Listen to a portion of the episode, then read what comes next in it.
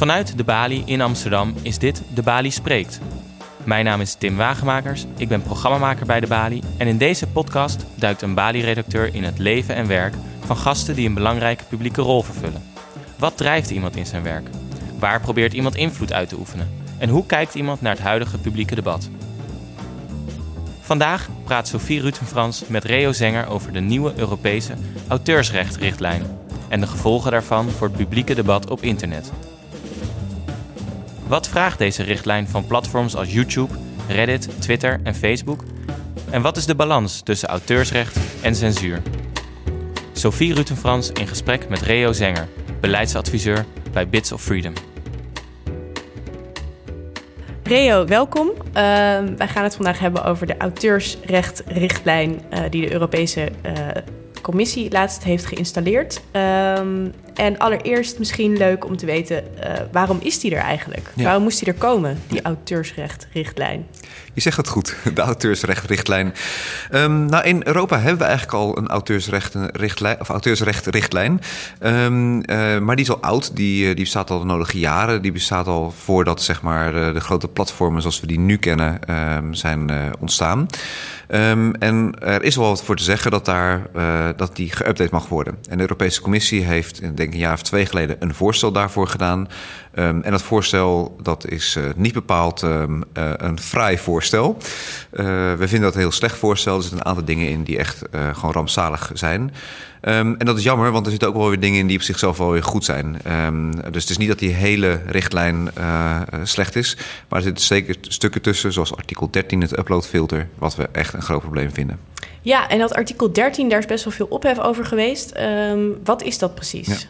Nou, artikel 13, dat dwingt eigenlijk... Zeg maar, deze wet is nu nog niet van kracht. Er gaat over een week of twee daarover gestemd worden. Dat is de definitieve stemming. Um, uh, als die onverhoopt die richtlijn wordt aangenomen... dan zou dat betekenen dat grote platformen...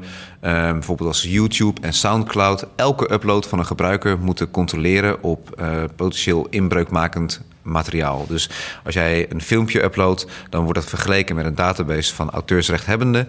En als die zeggen, dit, hier hebben wij het auteursrecht op, dan wordt dat geblokkeerd door het filter. En zo'n filter werkt niet en daar zitten dus allerlei problemen aan vast. Ja, dus eigenlijk was het idee van we willen de auteursrechten beschermen. Dus daarom moeten we dit, uh, deze, deze wet hebben. Um, ja. Maar wat zijn dan de, de risico's die daaraan vastzitten? Om niet meteen je vraag te beantwoorden. Uh, dus wat de commissie zegt is dat um, uh, in het hele, uh, al die partijen die betrokken zijn, van artiesten tot en met die platformen en dergelijke, dan verdienen die platformen eigenlijk veel te veel in verhouding tot wat die artiesten eraan overhouden. En ik denk dat er voor een deel van die problemen is dat ook wel waar. Ik denk dat bijvoorbeeld kleine artiesten hebben een hele moeilijke onderhandelingspositie tegen zo'n grote dominant platform. Een dominant platform kan gemakkelijk um, de kleine artiesten negeren en die blijft met lege handen thuis. Dus dat, ik, ik snap dat daar zit misschien inderdaad wel een probleem. Alleen dat probleem wordt niet opgelost door het voorstel van de commissie. Nee, en het is natuurlijk ook ingewikkeld omdat het. Uh, die platformen waar je het over hebt, dat zijn YouTube, uh, Reddit, Twitter, Facebook, ja. toch? Ja. En dat zijn zogenaamde user-generated content ja. Uh, platforms? Ja, hoewel dat een beetje, uh, dat, daar, zit, daar ontbreekt heel veel nuance in. Maar wat ze, wat ze daarmee zeggen met die term is dat die platformen die faciliteren het uploaden, het, aan, het, het, het beschikbaar stellen van uploads van jou en mij. Dus als wij een podcast maken of we hebben een, ik maak een leuk filmpje of wat dan ook, dan kan ik dat op een Facebook of op een Twitter of op een YouTube of op een Soundcloud kan ik dat verspreiden, kan ik dat publiek maken. Um, maar die platformen zoals YouTube die zijn vele malen complexer. Daar zit ook content tussen die door YouTube zelf wordt um, uh, geproduceerd. Waar zij voor betalen bijvoorbeeld aan makers. Uh, dus het is niet zo dat die platformen, of niet, niet al die platformen... alleen maar uh, content hebben die door gebruikers worden geüpload. Het zijn ook dingen die ze zelf maken. Ja, want dat lijkt me wel lastig voor uh, waar die verantwoordelijkheid dan ligt. Want aan de ene kant doen die platforms van nee, wij zijn een soort uh, wit canvas. Ja, doorgeefluik. Uh, doorgeefluik, ja. precies, waar alles op kan. Maar wij kunnen ook niet, wij bepalen niet ja. wat, hier, wat hier op komt te staan. En nu krijgen ze opeens dan toch meer verantwoordelijkheid. Ja. Maar jij zegt, die hebben ze ook eigenlijk al, want ze produceren ook al. Nou ja, voor een deel hebben ze dat dus al. Dus voor een deel zijn ze daar gewoon zelf voor verantwoordelijk, omdat het gewoon hun eigen content is. Voor een deel ligt, ligt die verantwoordelijkheid inderdaad veel meer bij de gebruikers. Um, uh, en om helemaal een stapje achteruit te doen, even helemaal meta te gaan. Um, ik denk ook dat je uh, de, hoe, hoe zo'n platform zich uh, vormgegeven is, dat maakt natuurlijk hoe uh, content wordt gedeeld. Dus um, kijk naar Twitter bijvoorbeeld, uh, met zijn 280 karakters. Dat bepaalt, of dat beïnvloedt, die, die beperking, die beïnvloedt hoe een discussie plaatsvindt. Je kan daar nooit um, uitgebreide nuances geven. Je kan daar nooit goed bronvermelding doen. Dus dat kleurt heel erg van hoe gebruikers zo'n platform gebruiken. En dat geldt ook voor YouTube, de manier hoe dat functioneert. Ehm, ja, dus, als dus- ik uh, op Twitter een gifje plaats van Friends, dan zet ik daar niet bij copyright Friends uh, 2007. Um, nou ja, dat zou misschien nog wel kunnen. Maar wat ik wil zeggen is dat um, inderdaad de, de vormgeving van zo'n platform bepaalt heel erg hoe gebruikers zo'n platform gebruiken. Um, dat is één ding. Een tweede groot probleem is dat die platformen gewoon heel groot zijn. Dus een YouTube, um, daar kun je niet omheen. Dat betekent dat je uh, uh, heel erg gebonden bent aan die macht van YouTube. Dat maakt zo'n platform heel dominant. Maar nu terug naar jouw vraag. En de vraag is mij even ontschoten. Um, mij ook, eerlijk gezegd. uh. als ik me goed herinner, ging dat over, de, uh, uh, over het probleem van zo'n filter. Ja, precies. En, um, Oké, dus wat het artikel 13 van die auteursrechtrichtlijn um, gaat doen... is die verplicht zo'n platform om geautomatiseerd elke upload te controleren... die een gebruiker doet om te zien of daar niet een, of daar niet een inbreuk wordt gemaakt op het auteursrecht. Daar zitten uh, allerlei problemen aan vast, omdat die filters niet werken. Dat heeft bijvoorbeeld te maken met het feit dat die filters gewoon sowieso niet goed werken. Um, er zijn genoeg voorbeelden daarvan. Neem bijvoorbeeld, um, um, er bestaat zo'n casus waarbij een, uh, iemand een 12 seconden lang uh, filmpje uploaden van een kat die een beetje aan het niet knorren is, hoe heet dat? spinnen. spinnen ja. is. Um, en dat werd dan door het filter gezien als um, een muziekstuk... en dus dat het inbreuk maakte op het auteursrecht van iemand. um, dat laat dan zien hoe slecht die filters eigenlijk functioneren. Dit gebeurt echt aan een lopende band. Ja, en dit is dan nog een grappig voorbeeld. Ja, maar... zeker. en er zitten natuurlijk nog uh, veel meer dingen bij. Omdat je... het kan ook zijn dat je, auteurs, dat je inbreuk maakt op iemand auteursrecht. Uh, daar zijn, daar, dat mag onder bepaalde omstandigheden. Die omstandigheden zijn bijvoorbeeld een parodie... of in het kader van educatie en dergelijke... Um, of citeren bijvoorbeeld. Dat zijn allemaal. Dat zijn, dan maak je eigenlijk inbreuk op de auteursrecht van iemand. Maar we hebben dat zo geregeld dat je dat in die situaties mag doen. Ja, en hier wordt het eigenlijk spannend, denk ja, ik. Precies, want om dat goed te kunnen beoordelen, moet je dus niet alleen maar kijken naar um, is een bepaald liedje geüpload. Maar moet je kijken naar, is dat bepaald liedje, hoe dat liedje is geüpload in een grotere context. Dus is dat in een, hè, als, je, als je het hebt over een citaat, is die zin of die, is, die, is dat stukje paragraaf, is dat um, uh, gewoon los online gezet? Of is dat in een groter verhaal en in een context? En die filters, voor zover ze al werken, uh, kunnen al helemaal niet die context zien. En dat betekent dat dus heel vaak uh, iets wel gewoon online had gezet mogen worden, maar dat dat door zo'n filter wordt tegengehouden. Ja, dus eigenlijk kunnen die computergestuurde uploadfilters niet inhoudelijk beoordelen wat een parodie is en wat een copyright infringement is. Precies. Die filters zijn niet in staat om de context van een upload te beoordelen. Kun je nog meer voorbeelden noemen van waar die uploadfilters de mist in gaan? Ja, helaas kan ik eigenlijk een, uh, uh, echt gigantisch veel voorbeelden noemen, want het gebeurt echt heel vaak. Om je een van die voorbeelden te noemen is bijvoorbeeld um, een hoogleraar die een lesje geeft over copyright, over auteursrecht. Daarin een aantal voorbeelden gebruikt, een aantal citaten gebruikt om te laten zien van hoe het auteursrecht werkt. Dus ja, hij laat daar filmpjes zien van muziek waarin een auteursrechtelijk iets is geweest die stream daarvan, dus de opnames daarvan, staan op het internet. Ook die zijn weer geblokkeerd, omdat hij in, die, uh, in zijn les gebruikt hij voorbeelden van auteursrechtelijk beschermd materiaal als een citaat, zeg maar. Het filter ziet niet dat dat uh, op die manier gebruikt wordt en blokkeert dat. Hoe ironisch is het als zo'n filter een lesje copyright uh, gaat, gaat blokkeren? Ja, dat is wel heel scheef. Dan gaan we wel echt de verkeerde kant op. Waarom zijn eigenlijk de gebruikers niet verantwoordelijk? Ja. Uh, nou, op zich heb je natuurlijk wel een verantwoordelijkheid om, uh, uh, om geen auteurs, om geen inbreuk te maken op andermans rechten. Dus dat, dat is ook al zo. Maar de, door hoe die platformen functioneren, en ik denk dat dat misschien ook voor een deel ook wel ergens wel waar is, is het natuurlijk ook zo dat uh, het heel gemakkelijk is om auteursrecht inbreuk maak, uh, om dat te maken. En daar kunnen we van alles van vinden. Misschien dat auteursrecht eigenlijk uh, een beetje een verouderd idee is en dat we dat misschien moeten aanpassen, maar dat is nu niet zo. En dus um, mede om die redenen die ik aan het begin noemde, um, wil de commissie daar iets aan doen en kwam met dit voorstel. Ja, en dit is natuurlijk een Europese richtlijn. In hoeverre heeft dat dan invloed op content van over de hele wereld? Ja. Um, deze uh, richtlijn heeft inderdaad impact op hoe die platformen in Europa functioneren. Uh, gelukkig heeft Europa niks te zeggen over de rest van de wereld. Um, maar het is natuurlijk wel zo dat op het moment dat dat hier gebeurt, dat andere, uh, in andere landen dat kan worden overgenomen. het betekent ook dat een platform zal natuurlijk niet voor ieder land een, een compleet andere architectuur willen bouwen. Dus die zal iets maken wat min of meer overal werkt. Um, uh, dus dit zal ongetwijfeld uh, veel groter impact, hebben dan alleen maar in Europa. En Europa is tot nu toe volgens mij de enige die iets probeert te doen, zeg maar wereldwijd. Als je kijkt naar staten aan auteursrechtbeoordeling ja. en ook hebben we al eerder gezien dat ze Google boetes opleggen en Facebook boetes opleggen. Uh, in zekere zin valt er ook wel wat voor te zeggen dat, dat staten nu eindelijk verantwoordelijkheid ja. nemen voor uh, het inperken ja. van de macht van grote bedrijven. Het auteursrecht op zich is iets wat we uh, vrijwel over de hele wereld wel ongeveer hetzelfde hebben geregeld. Er zitten een aantal conventies aan ten grondslag die de basis zijn voor auteursrechtregels over de hele wereld. Um, dan zijn er vooral wat details die wat anders inge ingeregeld zijn. Um, uh, deze problematiek speelt net zo goed ook in de VS. Uh, dat andere punt wat je noemde, vind ik eigenlijk veel interessanter. Ik denk dat die grote platformen, die hebben inmiddels zo een dominante positie. Dat is een probleem op zich. Als jij iets, als jij een filmpje online wil zetten, dan kun je eigenlijk niet om YouTube heen. Um, als het gaat over um, uh, je nieuws verkrijgen, er zijn genoeg mensen die um, uh, zich daarvoor hoofdzakelijk baseren op wat er op Twitter gebeurt of wat er op Facebook gebeurt. Er zijn landen waar uh, Facebook gewoon het synoniem voor internet is. Als jij over, in die landen over internet hebt, dan heb je het over Facebook. En dat betekent dat die bedrijven, uh, die kunnen dat denk ik eigenlijk niet goed doen. Want je kan niet met één architectuur met één uh, moderatiebeleid over de hele wereld um, goed overal een passende oplossing bieden. Um, en dat betekent dat die bedrijven hun Amerikaanse beelden, hun westerse beelden over de hele wereld um, aan het uitspreiden zijn. Een soort koloniseren in een moderne versie, noem ik het af en toe. En dat is iets wat door de macht die bedrijven hebben eigenlijk ook niet makkelijk meer te doorbreken is door gebruikers zoals jij en ik.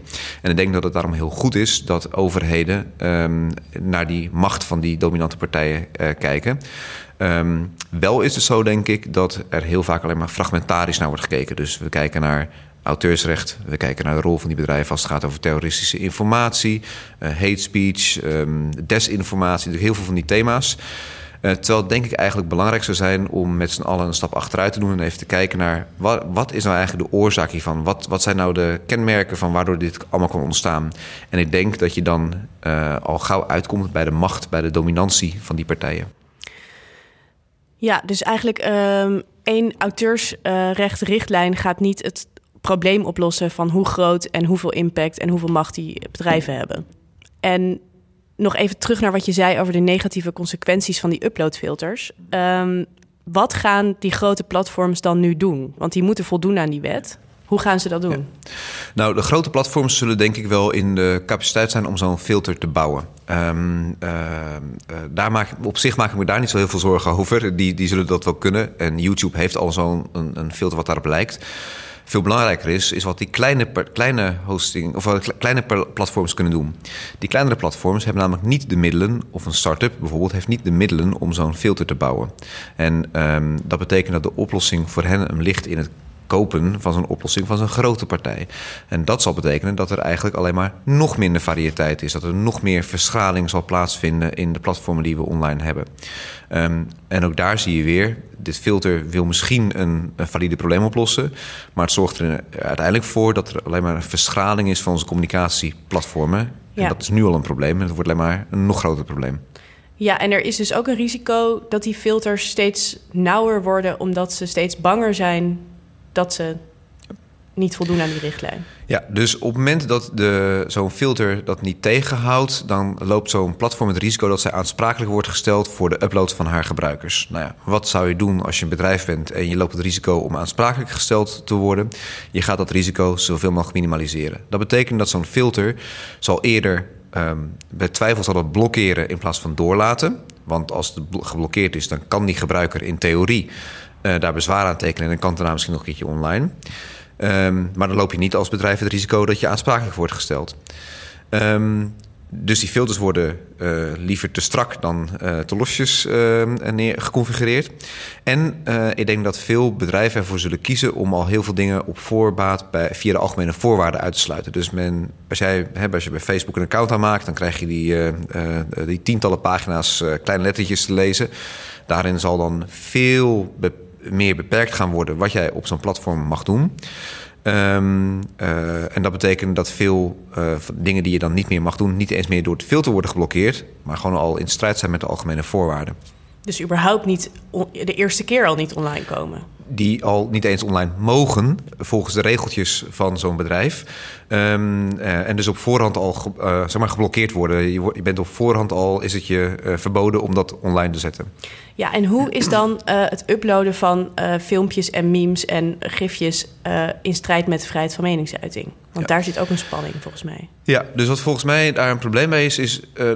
dus enerzijds is het zo dat die. Um, die uploadfilters kunnen niet uh, de context van zijn upload beoordelen. Dus uh, dingen als een parodie of een citaat uh, worden ten onrechte geblokkeerd. Terwijl je daar gewoon op zich, als je kijkt naar de uitingsvrijheid, heb je daar gewoon het volledige recht toe om dat te publiceren. Dat is op zichzelf al een probleem. Ik denk dat het probleem versterkt wordt door de dominantie van die platformen. Want op het moment dat jij je filmpje niet meer op YouTube kan zetten, ja, er is gewoon geen goed alternatief om dat ergens anders neer te zetten. Ja, je kan het wel op um, Vimeo plaatsen, maar het aantal hits of het aantal kijkers wat je dan hebt is uh, gemarginaliseerd. Um, dus afhankelijk van wat je doel is, gaat dat, is, is er gewoon geen alternatief naast YouTube. En dat maakt het super lastig als YouTube te veel dingen blokkeert.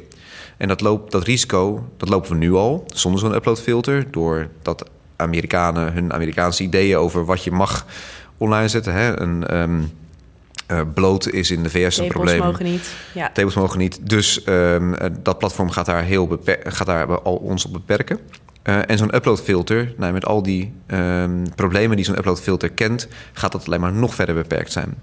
Dus ik denk dat zo'n uploadfilter problematisch is en dat zo'n uploadfilter in de in de context van, zo'n van die dominantie van die platformen alleen maar nog problematischer is voor onze uitingsvrijheid. Wij kunnen straks veel minder moeilijk dingen zeggen die je op zichzelf gewoon mag zeggen, omdat er simpelweg geen platform meer zijn waar het op kwijt kan. Ja, dus eigenlijk heeft dat ook gevolgen uiteindelijk voor uh, democratische beginsels en voor discussies over politiek en voor al die dingen die vooral millennials en mensen die jonger zijn via memes doen en via ja. gifjes. Dus ik denk dat je bijvoorbeeld minder gemakkelijk een, uh, een grappig filmpje over een politicus kan doen. Want er zit potentieel auteursrecht op het filmpje en dus wordt het geblokkeerd. Dus dat betekent dat je daar niet viral mee kan. Dat betekent dat je het uh, politieke debat niet kan beïnvloeden. Um, ook denk ik dat uh, sommige onderwerpen liggen misschien wat gevoeliger. Als bijvoorbeeld, neem iets als abortus of, of als die platformen heel beperkend zijn, kun je dat soort zaken niet meer bespreken. en dat is uh, vind ik heel erg slecht voor uh, ons publieke debat. In uh, de auteursrechtrichtlijn staat ook een clausule waarin je bezwaar kan aantekenen als gebruiker. Als bijvoorbeeld jouw filmpje weg wordt gehaald van internet. Dat lijkt me een goede ontwikkeling, toch? Ja, het is fijn dat de Europese Commissie heeft nagedacht over de positie van die internetgebruiker. Maar in de praktijk gaat dat gewoon niet werken. En daar zijn een paar redenen voor, denk ik. Eén reden is dat um, als jouw filmpje geblokkeerd is uh, ten onrechte, dan zul jij uh, in actie moeten komen. Die procedures, dan moet je gaan klikken, dan moet je een formuliertje invullen, dan moet je zeggen, uit gaan leggen waarom dat zo is. Dan moet er aan de andere kant naar gekeken worden. Uh, moet dat beoordeeld worden. In de praktijk weten we ook al, dat gaat nu al vaak genoeg mis. Nou, dan ben je twee weken verder voordat je filmpje misschien uiteindelijk toch nog online gekomen, is gekomen. Als je al die moeite hebt genomen. Um, maar ja, we hadden net bijvoorbeeld over zo'n filmpje uh, om het politieke debat te beïnvloeden. Een filmpje wat viral kan gaan, dat gaat nu viral. Uh, dat gaat niet, over, niet over twee weken. Nee. Dus dan ben je daarmee, daar ben je alweer beroofd van je moment, bijvoorbeeld. Uh, en een andere reden is denk ik dat die richtlijn die regelt dat, die, dat je bezwaar moet kunnen aantekenen als uploader. Um, als iets wordt geblokkeerd op basis van het uploadfilter, uh, wat um, uit artikel 13 voortkomt. Maar als die uh, bedrijven, die platformen, uh, uh, ze hun risico's zoveel mogelijk willen uitsluiten en dat op, in de algemene voorwaarden al gaan regelen, dan wordt jouw upload geblokkeerd op basis van die algemene voorwaarden. En is dat verplicht bezwaar kunnen aantekenen helemaal niet gegarandeerd. Um, dus het kan ook zijn dat, jij, dat jij straks jouw uploads worden geblokkeerd op basis van de algemene voorwaarden en punt. Ja, waardoor je dus eigenlijk helemaal monddood wordt gemaakt als, uh, als gebruiker. Precies. Stel deze richtlijn wordt aangenomen. Uh, blijft het dan gewoon bij uh, gifjes, memes, filmpjes van katten die offline worden gehaald? Is dat dan uh, een beetje alles wat we hebben? Nou, ik denk, of ik weet eigenlijk wel zeker dat als zo'n uploadfilter er eenmaal is, dat, je dat, voor alle, dat men dat voor alle andere zaken ook wil gaan gebruiken. In een, een moeilijke term, dat heet function creep. Heet dat, hè? Je, je bouwt een systeem voor een bepaald doel en in de loop van tijd wordt dat doel steeds verder uitgebreid. Dat zie je nu al gebeuren, want terwijl de, het, de, eh, de laatste stemming over het uploadfilter in artikel 13 nog moet plaatsvinden, heeft de Europese Commissie alweer een nieuw voorstel gedaan om ook terroristische content, uh, of vermeend terroristische content, te willen uh, af te dwingen dat het gefilterd wordt. Dus die platformen, die moeten straks misschien um, auteursrechtelijk beschermd materiaal gaan filteren, maar die zullen straks ook gevraagd worden om um, filmpjes van de IS of iets dergelijks te gaan filteren. En je kunt er nu al vergif op innemen dat als dat er ook weer doorheen is, dan komt daarna iets over desinformatie of er komt daarna iets over fake news, uh, fake news ja. of over um, uh, hate speech of iets dergelijks. Dus als we één keer zo'n uploadfilter er doorheen laten, dan zet dat de, dan de, is het hek van de dam. hek van de dam. En dan gaan we straks alleen maar, alleen maar nog verder verschralen. Ja, en dan moet je Dus natuurlijk altijd bedenken wie bedenkt wat fake speech is, wie bedenkt wat uh, terroristische content is. Precies. En wat er nu heel vaak gebeurt, is dat steeds meer die verantwoordelijkheid, hè, dus iets of, of iets strafbaar is bijvoorbeeld, dat lag altijd bij de overheid. We, je ziet in, uh, bij politiek en de beleidsmakers, zie je dat zij langzaam verschuiven naar die verantwoordelijkheid leggen bij de bedrijven.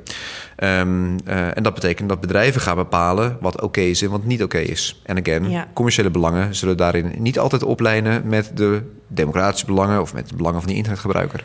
En bovendien uh, leggen die bedrijven dan vaak ook weer de verantwoordelijkheid bij computers, die helemaal niet meer een menselijke maat hebben. Ook daar geldt, context is heel belangrijk.